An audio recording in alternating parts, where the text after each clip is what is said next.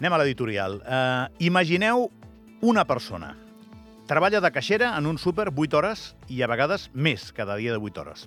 Per les seves mans passen milers d'articles cada dia que no pot pagar. A vegades li donem les gràcies, moltes vegades. Algunes vegades són bruscos i valenta perquè tenim molta pressa. Imagineu una altra persona. Treballa en la cadena de muntatge d'hamburgueses d'un restaurant de menjar ràpid. L'acaba de deixar la nòvia, és jovenet, té mal dia, va més lent de l'habitual i li cau una esbroncada de l'encarregat. Imagineu una altra persona. Porta sense seure 8 hores seguides perquè és dependenta en una botiga de roba. Li fan tant de mal als peus i als genolls que quan entra 5 minuts abans de tancar, una llàgrima li cau tímidament pel costat d'un ull. Tu demanes perdó per anar tard i li demanes si hi ha un jersei de la teva talla. Ni mires si té els ulls plorosos. Tu tens pressa. Imagineu una altra persona. Els darrers quatre dies de Pont de la Puríssima ha treballat 45 hores de cambrer perquè s'ha posat malalt al seu company i, com diuen al món de l'esport, li ha tocat fer un pas endavant. Té una enorme sensació d'injustícia a sobre que combat amb responsabilitat.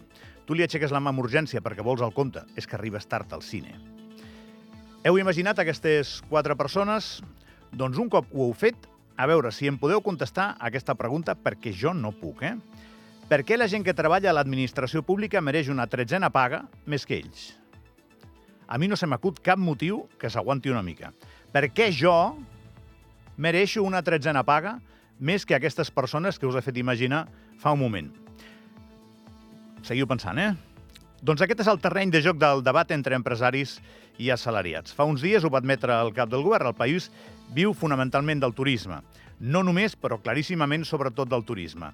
El més normal seria que els que estan en primera línia de defensa d'aquest model econòmic tinguin el millor tractament possible. I puc entendre que els empresaris, per ells, no sigui evident quadrar números. Ho puc entendre, eh? No m'he aixecat avui eh, i, i, i, i veig el món per primera vegada. Però hi ha moments en la vida en què la generositat no és una opció, sinó més aviat una obligació. I a vegades una obligació per pur interès estratègic. S'ha de tenir aquesta visió, molts cops.